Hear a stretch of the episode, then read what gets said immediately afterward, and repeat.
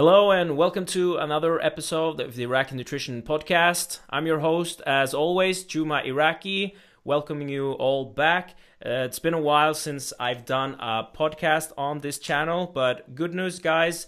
Um, from now on, uh, the podcast will be on a more frequent basis. I also have some other uh, news that I want to announce. Uh, starting from the 1st of September, I will be having four new uh, team members joining Iraki Nutrition. And one of the things that we will be focusing on is uh, creating a lot more uh, content to the fitness industry. one of the things is the podcast. We'll have much more content on the podcast. The YouTube channel will also have a lot more content there and there will also be more activities on our social media accounts. So, before we start today's episode and introduce today's guest, I want to mention that this podcast is available on YouTube, but you can also find it on iTunes, SoundCloud, and Stitcher as well. So, welcoming today's guest is Dr. Peter Fitschen. Peter, how are you doing today? Good, good. Thanks for having me on. Thank you so much for taking the time. I think this will be a great uh, topic to discuss with uh, with uh, for the listeners. Uh, today's topic will be about off-season bodybuilders. Where we have a couple of interesting uh, questions that we're going to discuss. But before we get into that, could you please give the audience uh, an introduction about yourself? Yeah, so for those who don't know who I am, I guess, uh, you know, I, I got interested in bodybuilding when I was, you know, 16 training at the gym, and I've kind of turned it into a, a career to say. And so, you know, I, I went to, I started go, I started competing when I was in 2004 when I was 18. Uh, I died it down for shows five times, won my pro card in 2012, competed as a pro for the first time in 2016. Um, I'm actually in the off season myself right now, so this topic is pretty applicable to my current situation. Um, and then on the academic side of things, uh, I have a bachelor's in biochem and nutrition minor from the University of Wisconsin La Crosse. I got a master's in physiology from there as well. Um, got my CSCS after that, um, and then uh, I got my PhD from the University of Illinois um, in nutritional science. Um, and so I now I am a full-time contest prep coach through my company Fit Body Physique LLC. Um, and I got some other things in the works that I can't discuss yet, but hopefully we'll be able to soon as well. But um, coaching is my, my full time gig at this point.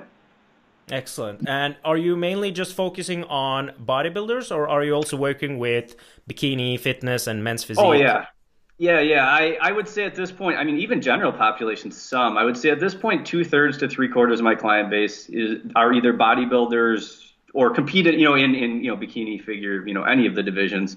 Um, or power lifters, you know, strength athletes, or they want to compete in, you know, a physique or strength sport. Um, so that would be probably two thirds to three quarters of, of my client base at this point. But I, I still do have about a quarter to a third that are general population. Okay, excellent. Are there any uh, competitors competing in the near future now? Uh, yeah, I mean, I think every every week I, I pretty much have someone competing. Mm-hmm. Um, oddly enough, my schedule dies down a little bit in September with competitors, but then it picks back up in October, November. But this summer has been nuts. Um, there's just more contests. It used to be in, at least in the U.S., in this part of the U.S., in the Midwest, it used to be that there were shows in the spring and the fall, um, and there was kind of a gap in the summer. And there's all kinds of new shows that filled in summer. So my summer travel schedule has been pretty crazy. Um, so yeah, I got I think two competing this weekend, another one the following week. You know, and it, it's nearly every week somebody somewhere in the country, um, or even internationally, um, which that makes for some crazy check-ins uh, on show day show day mornings with uh, you know the time difference. yeah, yeah, yeah. I can I can imagine that. So. All right, so let's dig into the the questions. Um, like bodybuilders is a um, a strange breed of, of people because you see the you see a lot of people doing uh, a lot of different things but what are some of the biggest mistake you see bodybuilders do in the off season Uh, I would say usually it's one or you know it's always extremes, right? So you know we're like you said we're an interesting breed. We we gravitate towards extremes, and so I think you know two big mistakes people make. One is not gaining weight in the off season. You know they get done with their show and they just are afraid to put weight back on. Um, I don't think that that's a great reason to not put weight back on, and I'd really encourage anyone in that situation to be working with it. You know a, a mental health practitioner who who can help them. Um, the other, the other, I would say, extreme is also a problem. You know, getting too heavy in the off season. Um, you know, I've been there. I I was 145 at my first show when I was 18 years old. Um, I'm five eight, five nine. I was 145. I wasn't that big, and I was told, hey, you need to get bigger. Um, and it was 2004. There wasn't a lot of information available. I mean, the, even the bodybuilding.com message boards were kind of in their infancy at that point. And so, you know, I just bulked. I ate as much clean food as possible. And, you know, within a year and a half, I was 210. I put on 65 pounds. Um, I ended up having, I ended up, I ended up, so it wasn't the, I mean, it was, it was a dumb idea, but it, I mean, I did net 10 pounds on my stage weight out of that 65. So I was 10 pounds heavier on stage two years later when I competed. But being so early in my training career, I have a feeling that I could have gained 30 to 40 pounds rather than 60 and you know what i mean and probably netted the same amount if that makes sense mm-hmm. do you remember the amount of calories you were consuming at that point to gain oh that yeah much?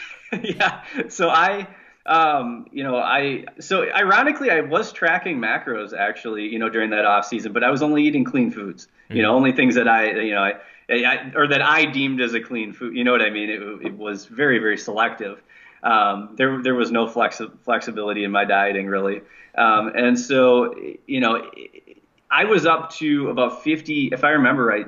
I threw away some old food logs when I moved when I one of the times I moved, but I remember looking back and it was 52 5400 a day um, calories a day. Uh, you know, it was what I had to get up to when I was younger. I mean, now that I'm older, I mean, I got up to 197 and held there on like 3,800, 4,000 a day. You know, now, um, 15 years later. But um, back then, yeah, it took 52, 5400 a day uh, to get up that high, and it wasn't pretty. Yeah, yeah, yeah. I can imagine. But um, you mentioned something that um, some some competitors they might be afraid to to gain weight when in they're in the off season. Do you notice um, any particular athletes that this is an issue with more than others, like bikini or men's physique compared to bodybuilders? Um, yeah, I would say, you know, a lot of times, I would say, I hate to stereotype, but I would say for women, it's a lot of times more difficult um, than for men. Um, just I think it's a you know a cultural thing. Like for a guy, it's like oh I'm going to eat all this. I mean, guys usually the other problem, the getting too heavy, is the problem that that you know most guys have. You know they're just I'm going to eat everything. I'm going to lift all the weights. I'm going to get as big as possible. Um, and and that doesn't end very well. You know the other extreme. But a lot of time, but there are still men too who don't want to gain weight. Um, and you know you know, it leads to, I mean, obviously can lead to hormone levels being suppressed for a prolonged period of time can create you know health consequence, but also you know the overall goal of the sport, you know, it should be progression over time. You know, I think everyone, their brother, you know, I, I made a rant on Facebook about this recently. Wants to win a pro card, and that's all they ever want to get out of the sport. But, um, but you know, the goal really should be like this should be this this long term like progression. You know, continuing to better yourself. Um, you know, every time you diet down and get on stage, and if you're not getting any weight back between shows, I really doubt you're making any progress. And you know, if you really try to stay close to stage lean, you might actually start looking worse, um, just as a result of your hormone levels being so low and you know strength being down, you know, for so long. Um, yeah, I, I, you know, gaining weight in the off season is is important, definitely. Yeah, and um, I I actually recently did uh, a study uh, at the Norwegian Olympic Center where we measured the resting metabolic rates of a hmm. lot of athletes, and what we noticed was a lot of these combat sports athletes that cut a lot of weight they had a depressed resting metabolic rate but also a lot of the the physique athletes especially bikini fitness we had some people that were like six hmm. seven hundred uh, calories wow. below their resting metabolic rate so some yeah. of them were pretty bad and when after talking to them they basically told us that they've been basically dieting for the last three years after their uh, show because they had a real struggle with uh, letting loose and accepting that uh, one of the like the process is that you have to gain weight to normalize a lot of the um, mm-hmm. adaptations that has happened and the hormonal stuff. But which brings me to my next question: uh, What type of strategies can you use to try and actually convince a client that this is the the way to go when you um, experience some uh, resistance from them from for gaining the weight? Yeah, I mean, I think the biggest thing is, you know, being upfront when you start, you know, when you start working with them. You know, if someone's going to start working with me for a prep, part of that conversation also needs to include, and you will gain weight afterwards. Like prep isn't the end. Like you don't just get there and that's where you stay. That's not the end. That's just, you know, again, we're talking about improvements over time. So you, know, hopefully this is something that you'll be able to do should you choose over and over and over again. And, you know, in order to, you know, make those improvements over time, the shows are just a step, you know, as you keep improving over the long period of time. And so, um, you know, having conversations when you start working out, like, hey, after your show, you will gain, you know, we will work on gaining weight. Um, you know, we'll somewhat, you know, take this you know you, your preference we'll try to take some of your preferences into account but in some way shape or form the scale does need to go up. You do need to gain back some body fat. Um, you know there you know there are you know I, we talk about a lot of times we'll you know during the, the initial phases of hey we're starting to prep we'll start talking about like you know this is probably what you're going to start feeling as you get leaner you know, we need to gain enough weight back post show so you don't feel some of those things again anymore, you know, and um, just, you know, discussing like, hey, the, it's not just get lean, it's get lean and gain. Um, and then a lot of times too, you know, so just, just, you know, always having that in there. Like I, you know, a lot of times in conversations with them throughout prep, like, you know, yeah, this is only short term, you know, you will regain, you know, like they're really, really hungry, food's really, really low. Like that, that's all right. We're going to increase your food when you're done, you know, you know, obviously diet breaks and stuff aside, when you're done with your show, like we will increase your food. You know, it, it, this isn't permanent. Um, and then, you know, my biggest thing is too, if someone's struggling with that after a show, I will be the first one to refer them to someone, you know, who actually can help them. Um, you know, there, there's, you know, I am not a psychologist. I, you know what I mean? I, I am not an eating disorder specialist. You know, those are the people that they need to be seeing. But I think the biggest thing is really taking a look before you start dieting too as a competitor and, and thinking, you know, just really, you know, taking a big picture view, like how is my relationship with food? How is my relationship with my body image? Um, can, you know, am I actually in a place to diet for a show? Because dieting for a show doesn't fix those things. Um, you know, a lot of people get into competing because they feel bad about how they look and think it's going to fix it. Um, but if you have bad issues with eating and, and exercise and body image when you start prep, you know, it's only going to get worse at the end. It's, prep's not going to help it. I mean, people with fairly normal eating habits at the start of prep start to look a little bit more disordered by the end. Um, that, that's just the direction things kind of skew. And so if you're already starting from a disordered place, it, it's not going to end well. And you probably want to, you know, take care of some of these other things first before a show. You know, health should still be a priority. Yeah, I totally agree. And there's there's been a lot of times where I've been contacted by physique athlete like bikini competitors that want to compete and based on the information they provide me i just tell them straight up that i don't think uh, you're ready to to compete at the moment based on your situation. And some of them um, appreciate the honesty but some don't. And uh, it can be a challenge sometimes to try and convince them that you're yeah. actually trying to just help them. Yeah i I've actually had a situ. Well, I've I've had more than one situation where that that same thing happened. But I I mean I there's been more than once where I you know I tell them I don't think you should be dieting for a show right now. You're you're not in a good place. And then you know they find someone else to to help them. You know because there are people out there that well they'll take anyone. You know mm-hmm. and so um, you know and so I don't think you know if if I see clear issues I think you know we need to address this first before you diet. No, and they don't work with me. They work with someone else. Um, you know, there's been times I've seen them, I've seen people, uh, you know, actually be really successful prepping with someone else. Like they actually, so I said, I don't think you're in a great place to diet. They diet for a show. They're super successful. Like they may even win their show. I've seen this happen a couple of times, you know, working with someone else. Um, but then I can think of two separate situations where it's been three, four years since that person competed, and I don't ever remember. I don't, you know, they haven't competed since and don't even really post about lifting or fitness anymore. Um, you know what I mean? Like it, it, just dug them in a deeper hole, and that that's not the goal. You know that, you know, and like you said, you're trying to really help them. It's not that you're telling them not to compete. It's telling them, you know, hey, let's let's address some of these other things first beforehand, so that you can keep doing it for the long term.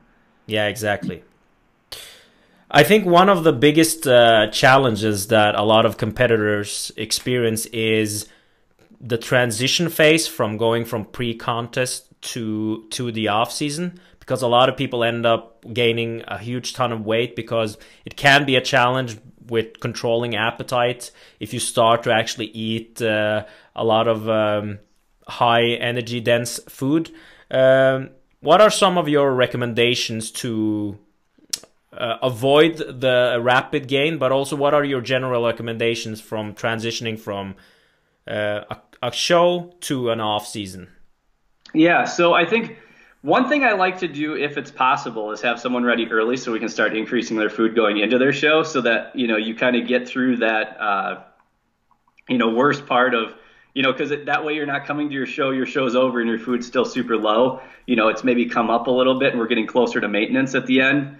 Um, you know, if you can do that going into a show, you're already your launch off, you know, start off point is in a better spot, but you know, that obviously means longer cut, uh, you know, starting sooner, you know, things people typically don't do. Um, and so that isn't, even if you do everything as smart as you can, that's not always possible, just the way shows time out or what happens, it comes up during prep. Um, and so when you, you know, if that's possible, do that. But if not, um, you know, then it comes down to having a conversation about, all right, like how, what can we be consistent with here? You know, because my goal for them coming off of a show is consistency, you know, and so yes, you may not want to gain weight back, but it's not going to be realistic to keep your food that low. Like that's not something you're going to be able to stay consistent with. So what can you stay consistent with? So if we, if you're having, if you're struggling to stay consistent, what if we stick your intake higher right away and we just say, all right, we're going to gain a little bit faster to start um, that's to me is still a better scenario than having them binge and go, you know, just you know off the walls. Um, and so some, you know, usually we have a, you know, some of those conversations about, well, what's realistic for you to stay consistent with? How fast can you increase? How hard do we want to be tracking? Like how flexible do we want to be? Do we want to be tracking, you know, macros? Do we do we want to be tracking something looser? Like maybe we just worry about, you know, calories and protein or something like that. Um, you, you, know what I mean? Like, what can I keep? What can we keep them consistent? How you know with? Um, and my goal, regardless, is we got to get them gaining after their show. Um, you know, and I'm okay with a little bit quicker gain. If you know, a pound or two a week is totally fine coming off a show. Um, until we get them back up to a point where they are kind of at the low end of their, you know, I probably set point range is how you know the best word I'd use to describe it. Um, you know, kind of that lowest weight where they finally notice like I'm starting to feel normal again. Um, starting to come back up. I'm not thinking about food all the time. I'm not as hungry. Uh, energy's good. I'm sleeping good. You know, horm- you know, sex drives back up. Signs of hormones coming back. You know, when we get to that point, we'll slow rate of gain down. But like we want to keep it moving until we get there.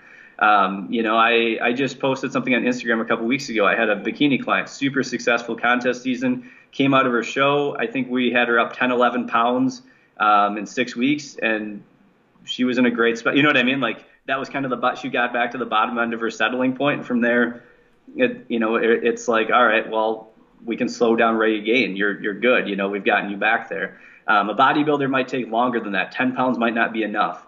Um, for me, 10 pounds over stage weight, I'm still not back to a sustainable place. It's still, I still don't feel great there. Um, you know, it, it's got to be more like 15, 20. But you know, and it depends on your division too. You know, a bikini competitor doesn't diet down to lines in their glutes. If they did, they would be too lean for the division. You know, but a bodybuilder needs to get there. You know, and so there's some differences in division there too. Um, but I guess yeah, getting back to what I would actually do after a show. I think it's you know having an honest conversation with some you know with, with and going back and forth and you know seeing what can you stay consistent with because even if you increase your intake faster and you're gaining a little bit quicker coming out of a show than you'd like, if you can stay consistent with it, it's still better in my book than than trying to do something lower and just binging and going off the walls. Excellent. Now, do you have any general recommendations for uh, like what do you typically do with uh, if they're doing a lot of cardio tra- training during their their, uh, yeah. their contest prep, and what do you actually do with with the calories? How much do you bump up their calories, for example, yeah, after a show? So I um so you know I guess with cardio I usually try to pull that back like like half probably to start because you know you don't need to be doing tons and tons and tons of cardio. Like the goal at that point is weight gain. You don't need to be doing something that's expending all these extra calories. Um, and so if they're doing, say, four hours of cardio a week or something like that, total weekly cardio time, we may pull it back to two to start. You know, just start pulling that back. There's no need to be doing, you know, and even from there, keep pulling back more and more and more. Um, steps, I usually try to, you know, I have clients usually track steps during prep. Um, step counts, usually we keep pretty high. We still keep NEAT up. Um, you know what I mean? As kind of as a buffer, like while we're working formal cardio down and food up, just kind of keeping NEAT up um, generally can help scave off some of the you know really really rapid gain. But um, I pull that back eventually too. But usually I focus on pulling cardio back first. Um, a lot of people just don't want to spend that much time in the gym after their show either if they're doing a lot of cardio. So if we can just have them go walk around outside some more, that you know accomplishes the same thing. Um, and then uh, as far as nutrition goes, I guess that depends on the person. Um, you know, if someone wants to go a little bit slower, we may only bump like, I don't know, 10, 15%, you know, something like that, um, you know, to start and kind of see what happens.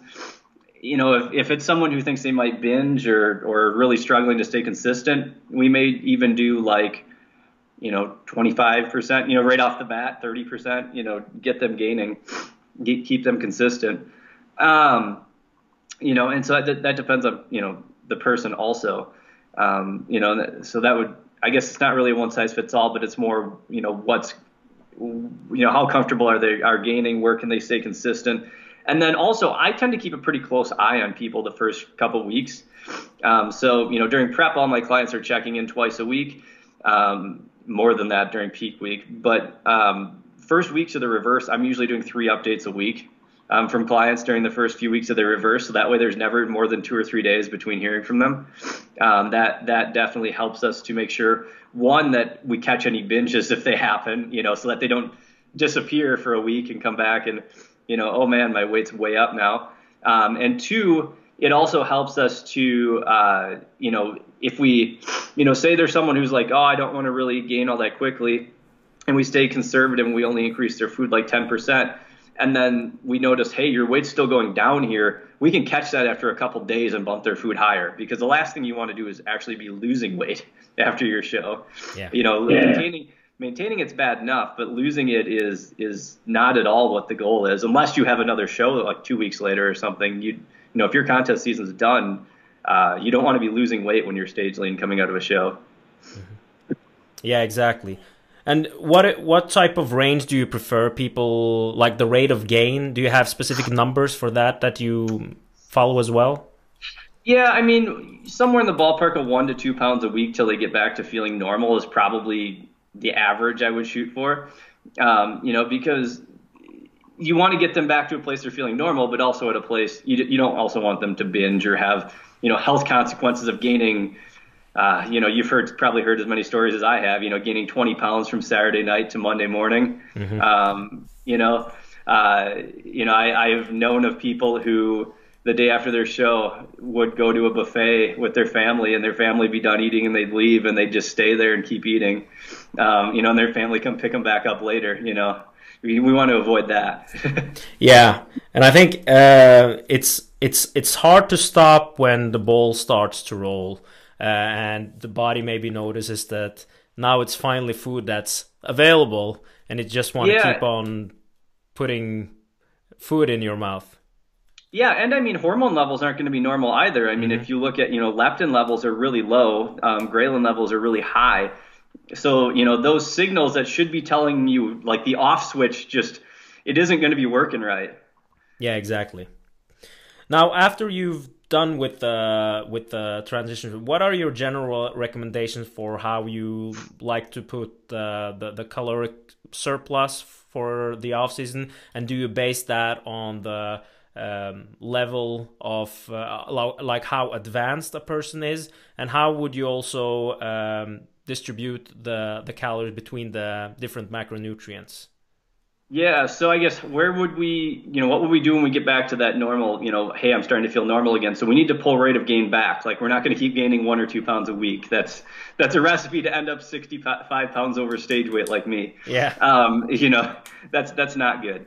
Um, but you know, where do you pull that back to? So for someone who's a beginner, that can be quicker. You know, we can be seeing two, three pounds. You know, you know, a month, you know, a couple pounds a month, and be okay with it. If it's someone who's more of I guess if you're a beginner, you shouldn't really be coming off a show. But if someone who's more like an intermediate, you know, I'd be okay with a couple pounds a month if they're, you know what I mean? If if they were, it was their first show, they'd only been lifting a couple years. You know, maybe they really never had like a true off season where they pushed food hard before, you know, to really see what they could add for muscle.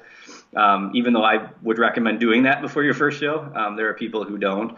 Um, you know, someone who's more advanced, maybe you're looking closer to a pound a month or so.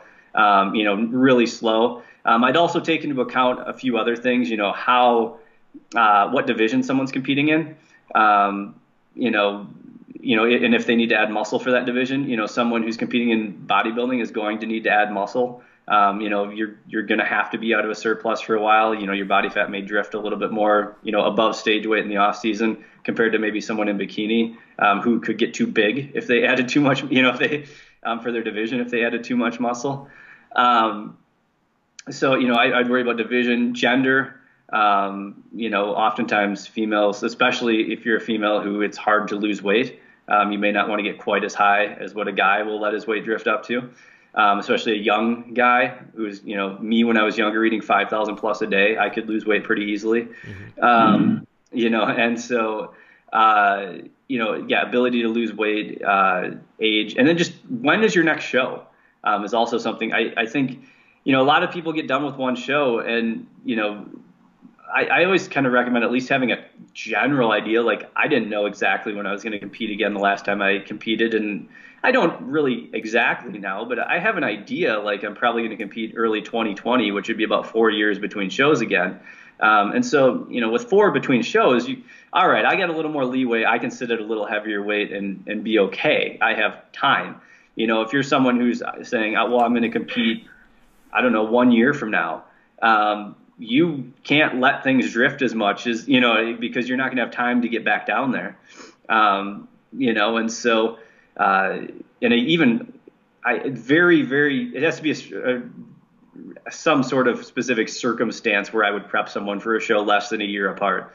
Um, I've done that before where I prep people for like spring and then fall, but every time it's been because they competed in the spring and it qualified them for something in the fall. And so it was only good that qualification was only good for that year. You know what I mean? And mm-hmm. and so um, and so it was like a, a circumstantial thing. But the conversation going in always in that case was you're taking a full calendar year off. Like you know, so if someone did spring fall of 2018, you're taking all of 2019 off. You know, 2020 is the earliest you're competing again.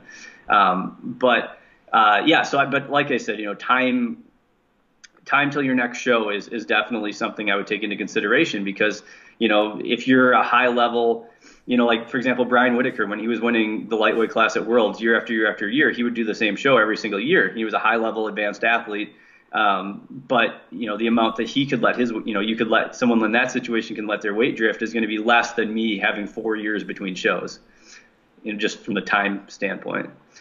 Um, and so yeah as far as where where would I put their macros you know, there there isn't really a one size fits all, but you know, most people in the off season, you know, at least a gram per pound of protein. Um, if you usually in the off season, pe- most people have calories to spare. You know, your your carbs are pretty high, your fats pretty high, your proteins pretty high, so you have more calories to spare. And so some of it I base on preference too. You know, uh, assuming you're already eating a gram per pound of protein, you're getting, you know, you have a decent amount of carbs and fat. With those extra calories now, you know, where do you, you know, do you prefer a little bit higher protein? Do you prefer a few more carbs, a little bit more fat? You know what I mean? And and some people find that they actually run better on um, more carbs versus more fat. Um, you know, I, I've had clients who, if you increase their fat to like 35% of their calories, they feel way better than if their fat's like 25% of their calories. Um, you know what I mean? And pull pulling the carbs back in the off season. So I mean, some of that's individual too, but I mean, as a starting point, I mean, I probably would do, you know, at least, you know, point 3.4 grams per pound of fat, you know, a gram per pound of protein, and and fill the rest in with carbs. But you should have plenty of extra calories that you can spread, you know, throughout probably.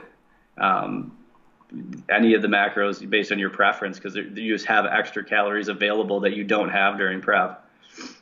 Excellent. Now, do you have any special recommendations for uh, intake um, around the workout, like focusing more on, on carbs there, cutting back on the fats? Yeah, I mean, uh, the biggest thing I, I usually try to encourage someone to, it's not a one size fits all because I've, I've worked with people who, I used to always have the specific, you know, just a generic recommendation, you know, your highest carb meal of the day should be the one that's you know, an hour and a half to three hours before your workout, you know, something like that mm-hmm. should be your highest carb meal of the day. There are people, I, then I started working with people and realized that in real life, not everybody responds well to that. You know, there are people who eat that and then it's like Thanksgiving, you know, post Thanksgiving, they want to go take a nap. Um, they're not in a place where their performance in the gym is going to be high. And so for them, you know, maybe being a little bit more moderate there is, is a good idea, you know, rather than, you know, having a high carb meal. And so I a lot of times encourage my clients to try like, all right, you know, try having high carb meals before a couple of your workouts. Try doing something that's maybe half that level, you know, or, or two thirds or, you know, whatever before your workouts. Do you notice a difference?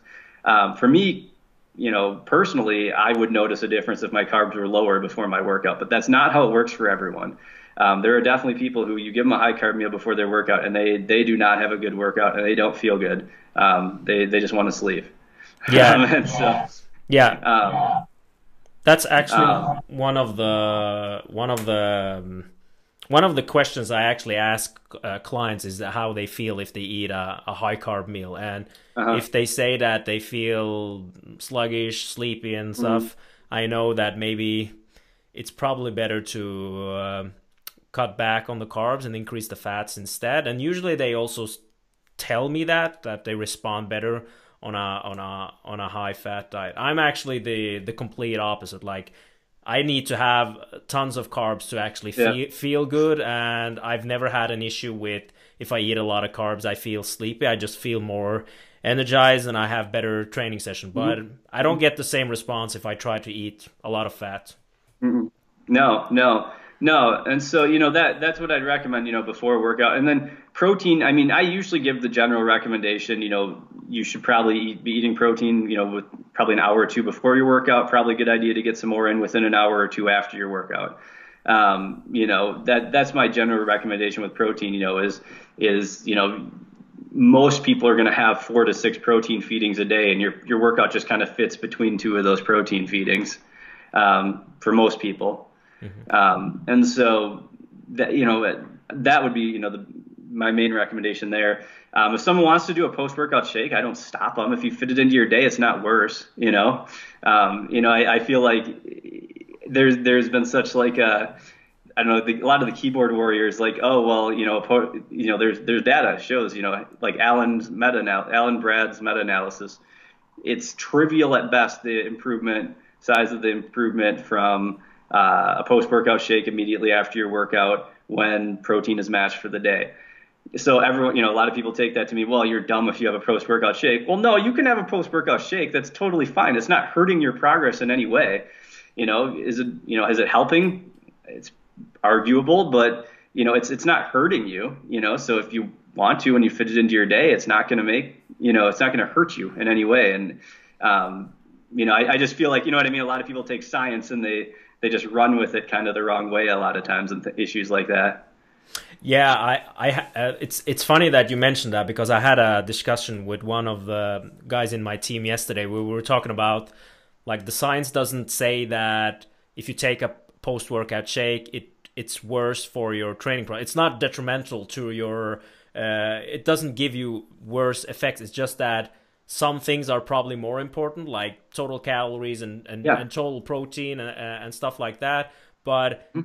it's it's uh, like everything else. I feel in the fitness industry, it goes from one extreme to the other, and yeah. people people are don't always uh, are able to put things into in, into context because some recommendations are applicable for maybe high level athletes like for example i work with a lot of uh, um, high level uh, judo competitors here in Norway in combat sports, and they usually have like two sessions a day. And yeah. th- there's no option in waiting one to two hours after yes. a training session because they have the next training session in five to six hours. So mm. the recommendation there is like immediately as you finish your training session, you get nutrients in. But if you're training uh, average Joe that goes to the gym three, four times a week and is going to consume a meal within two hours and then isn't going to train until the next day, it doesn't really matter. Mm-hmm. so, but yeah, I think I think uh, I think it's a good thing that the fitness industry are more interested in science now. Yes. But I think there's um, maybe sometimes a lot of noise and things get misunderstood uh, so people jump from one end to the complete opposite side. Absolutely. You see that. I feel like you see that too when you look at like, you know, some of like the effect sizes in, in meta analysis and things, you know, um, it's amazing, you know, clearly doing more than like, if we look at training, you know, clearly doing more than one set per exercise is better than just, or one set per muscle group is better than the old school hit one set per muscle group. Um, you know, there, James Krieger, I think, has done multiple meta-analysis showing that. But it is amazing how much you can actually still grow from one hard set per muscle group. Like, it, you know what I mean? Like when you start looking at effect size differences, you know what I mean? Like you actually see a decent amount of growth. You know, same thing with people who, you know, a lot of times, you know, the one training, you know, frequency of once a week versus more than once a week. You can actually get a lot of growth once, you know what I mean? Like you look at, it's not like it's zero gains, yeah. you know, and I feel like a lot of times people are like, oh, well, you know, this person's in a pinch for time, so they're going to train, you know, maybe they only can get in one or two sets per muscle group. Well, they're not going to grow. And it's like, well, no, actually, there's pretty good data. You get, you know, it's not going to be as good as doing 10 plus sets a week, but if you can only get one or two sets in and that's all you have time for, that's better than nothing by far. Yeah.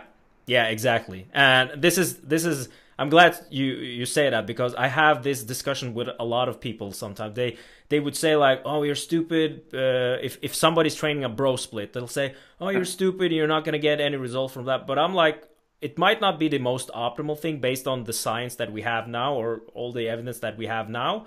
But if you do that and you have progress in the gym, you consistently over time lift more weights, you increase the volume over time, and you do that for 10 years, you're going to get results from that. But maybe yeah, you could have gotten more results if you had a more optimal training program. Yeah, so. yeah, and I, I, always I always wonder, you know, how much of a difference is that making? You know, you see a lot of people who aren't high level competitors stressing about a lot of these little details, and it's like, how how much difference, you know, is it going to make? Mm-hmm. Um, you know, I I know. I, I was just talking to someone about this yesterday. I know I, that Brad Schoenfeld has data showing you, you know, training a weak part um, he just posted that his study got accepted where they're training a week. I haven't read it, but you train a weakness up to 45 sets a week, and that body part grows more. I need to actually see the read the paper once it's published to really comment more. But just you know, I'm I'm sure you know from what I gathered from what he has said, upper body training volume was lower. It was only lower body that was super high. Um, and again, I haven't read the study, but if that's what they did, um, and you know, you're going to see people who see 45 sets per muscle group. If 45 sets is good, 50 or 60 is better. And if they just did that on legs, I'm going to do that for everything, you yeah. know, and, you know, they're just going to take it and run with it. And that's not at all what it's meant to be. Yeah, exactly. Exactly. Uh, while we're on the topic, um, are there any um, supplements that you usually recommend during the, the off season that can be of benefit?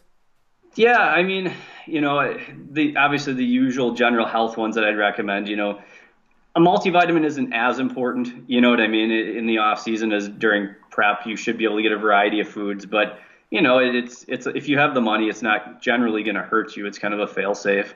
Um, but food should still be the focus. A variety of foods, a variety of fruits and vegetables, different colors of fruits and vegetables should all be a focus. Um, fish oil, if someone doesn't eat a lot of fish, is probably a good idea. Um, other than that, you know, protein powders, protein bars as necessary um, to, to hit your protein numbers. Do you need them? You know, some people eat, you know, just hit their protein numbers without. It's totally, you know, your call. Um, caffeine as necessary before a workout. Uh, other than that, you know, creatine, you know, monohydrate. Um, maybe beta alanine, you know, especially if you know if you're a bodybuilder, you train in some of those higher rep ranges, or if you throw in some intensity techniques, you know, like rest pauses or drop sets or supersets or something, you know, could be beneficial. Um, and you know maybe citrulline malate. Um, you know I know we were just talking before we started recording. You know the jury is definitely out on citrulline based on some of the recent data. It kind of muddied the waters a little bit. Um, but uh, you know outside of that, you know I, I, don't really recommend a whole lot more. Um, you know and, and my general my general rule of thumb on, on supplements, you know, when clients ask me about, well, what about this one? And it might be something that like, I don't know, maybe there's some obscure evidence it may do something, but it, you know, isn't that strong of evidence. It's not like creatine level of evidence, just, you know, a little bit of something in some obscure journal. Uh, usually my general rule of thumb is if you want to try it and you have the money and there's no evidence it's going to hurt you, the worst thing it's going to do is just cost you money. Um, but if you don't notice anything, don't keep taking it, you know, quit spending your money um, most people are like, yeah, I don't want to spend money, and and I'm kind of in the same boat. I don't take a ton of supplements myself, um, but you know that that's always my you know general rule of thumb when I get asked, you know, by clients or anyone, you know, do you have are you okay with spending money on something that may not do much? Yeah, exactly. All right. Uh, next question is: we, have already talked about a couple of these things. Um, as a natural bodybuilder, um, reaching super low levels of body fat can have a pretty negative effect on a couple of health um, health issues, like for example hormone levels, um, metabolism, and stuff like that. And we talked about some of the strategies to um, get back as quickly as possible. But are there anything that you should uh, monitor during that time? Like, are there anything that you use to track this? Do you do you look at um, do you get the clients to do blood uh, blood work?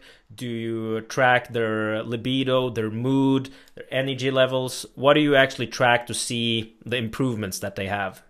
Yeah, I mean, if, if someone can get blood work, that's awesome, but that's that's not necessarily practical for all. You know what I mean? Everyone to afford that and be able to get it all the time. Mm-hmm. Um, I did I did have a client recently though. He did he did blood work every two to four weeks coming out of a show. It was for like six months. It was freaking awesome. Um, but I mean, he he paid for that out of pocket. You know what I mean? And and so I don't expect everyone to be able to do that. Um, you know, because we all have real lives and obligations and things. Um, but you know other things that i a lot of times track is you know I, I generally usually i'm asking people as their weight's drifting up you know okay so on a scale of 0 to 10 with 0 being how you felt at the end of prep and 10 being how you felt before you started prep you know when you're at your best um, you know where where would you rate you know your hunger or your energy or how much you think about food or your sleep or how you feel overall you know things like that. Um, and usually you know people are telling me it's eight, nine, ten. Usually by the time they hit, you know, kind of that bottom end of where they can actually sustain, it, it's starting to feel more normal again. Um, you know, so like I had said, I had a, a client gain, bikini client gain 10, 11 pounds in six weeks. Everything was basically eight, nine, 10 at that point. Like I, I'm feeling pretty good at this. And, you know, that you know what I mean? Because she's kind of at the bottom end of where she could actually sit long term. I mean, her goal was still to let her weight drift up more than that, but you know, we could start slowing rate of gain down at that point. Like you know, gaining quickly wasn't as urgent as it was when all of those numbers were zero coming off of her show. Thanks. And and um, how do you actually know when they've recovered optimally? Like do you is it based on what what what it like let me explain in a different way. What is the most important parameter that you actually use to determine okay we've now reached a level where you've recovered optimally? Yeah i mean i don't know if there's one most important thing that i would i would look at. I mean if if they had blood work that'd probably be a, you know a one thing. But for most people who don't or can't afford it you know to do it all the time um, you know, things I would look at, I'd probably a combination of things. You know, how long has it been since your show? You know, how long has your food been high? Um, is something I, uh, you know what I mean, like higher than, and, and how long have you been not stage lean? Um, that actually matters quite a bit um, because you can't just you know, binge out of your show and magically have hormone levels back to normal. Because I, if I remember right, Eric Trexler has data where they took a cohort of bodybuilders and the ones that gained the quickest, you know, binged out and gained the fat the quickest, didn't see the best rebound in hormones. It was actually the ones in the middle, um, you know, for rate of gain. Um, and so, you know, I, you know, how long you've been out of a deficit, how long have, you know, you been above stage lean. Um, you know that that I look at because, like I said said before, you know when you're prepping people like spring versus fall, you got to keep them pretty close to stage lean in between. You only have like six months between shows, and so it's like three months of letting their weight drift some, but not as much as you would normally, and then trying to diet them back down. And that second cut is always harder. Um, it, it, always takes more to get back down there because things just simply haven't normalized. You don't have time to, for things to normalize, um, and that's where people who compete over and over and over never have an off season kind of downward spiral. Um, but yeah, so time would be one thing. But as far as how they're feeling, I would, yeah, I mean, I would say it's just a number of things. Um, so, you know, the strength in the gym probably should be high again. Um, energy should be high. You, you know, sleep patterns should be back to normal. Most people sleep isn't very good when you're super lean. Um, you just wake up all the time. Like I could wake up at 5 a.m. without an alarm. Um, I'd be tired the entire day during prep, but I'd be up at 5 a.m. without an alarm every day. Um, and then, uh, you know, so sleep patterns, sex drive, uh, just how you're feeling overall, you know, just taking everything into account, you know, where is your hunger? How often are you thinking about food? Um, you know, all of those things, you know, a lot of times kind of come together. You know what I mean? Like you don't, you don't oftentimes say, well, my strength is still terrible, but I'm full all the time and I can't eat anymore. You know what I mean? Like usually it's, you know, I'm thinking less about food. I'm feeling more full. My strength is really coming back. You know, like they all kind of go together in one direction. It, you know, mm-hmm. um, rather than one going one way and the others going the other. Yeah, exactly. And uh, yeah, I know the, the, the sleep thing is probably one of the worst things uh, for people when they're trying to to to cut, uh, especially waking up early, probably looking for yeah. Probably looking for food or something. Yeah, one thing one thing I found that actually is is helpful to you know a, not everybody but a good number of people is you know I always prioritize you know for people who handle carbs well we talked about you know your biggest carb meal should be before your workout. Um, I my second I a lot of times would recommend someone's basically second biggest meal be before bed um, when they're dieting for a show. Um, because a lot of times it, I, I found it actually helps people sleep better. Um, to have a little bit bigger meal before bed. You know, it um, you know, it used to be, I remember when I first started competing, did my first prep for 2004, you know, you didn't eat any carbs or anything at all, maybe even after like 7 or 8 p.m. or some magic time, you know, and, um, you know, that's, that's not the case at all. You know, that's not going to impair your progress. You know, we, we have plenty of data that shows that. Um, and so, you know, eating a little bit more of your carbs or just a little bit more of your calories in general before bed, um, for a lot of people can be a way to help you sleep better. Yeah, exactly. All right, Pete. Let's uh, let's wrap up this uh, podcast. Uh, could you give us a take-home message on the things that we've uh, discussed today?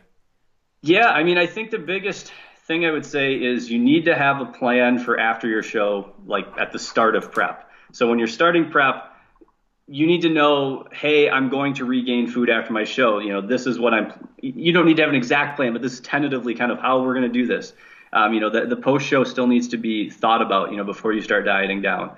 Um, and then once you start dieting out of a show or coming out of a show, um, you know, the first thing I'd worry about primarily is getting yourself back to feeling more normal again. Um, that doesn't mean binging, but you know, pound two pounds a week for the first couple months to get you back to where you're kind of at the low end of that, you know, set point range um, is probably a good idea. And then from there, you know, letting you know, adjusting based on what your goals are and, and um, your specific situation in the off season and how much weight you can afford to gain and want to gain and, and all of those factors. Um, so I know that was more than one take home point, but that, that probably summarized things. Yeah, excellent. Excellent summary. All right, Pete, where uh, can people find more information about you? Uh, so you can check out my website, fitbodyphysique.com. I'm on Facebook just as me, um, or my business Facebook page, but I don't use that much anymore. Um, and then I'm also on Instagram um, at fitbodyphysique. Um, so any of those are, are totally fine if anyone wants to reach out. Excellent. Thank you so much for your time. Thank you to the listeners that's been following us uh, today. If you haven't already subscribed to the channel, please do. And we would also appreciate if you left us a review on uh, one of our other platforms like Stitcher or iTunes. Peter, thank you so much for uh, joining me today. I had a really good time, and I think uh, the listeners also benefited a lot from the things that we discussed today. And we should try, probably try to bring you back on to discuss another topic in the near future. Awesome. Yeah. Perfect. All right, Pete. Uh, have a uh, continued uh, nice day. I'm soon after bed. It's big time difference between where we are. I'm usually doing these podcasts at uh, at at night. So uh, wishing you a pleasant day, and we'll uh, speak soon again. Uh, thanks for having me. My pleasure. Bye bye. Bye.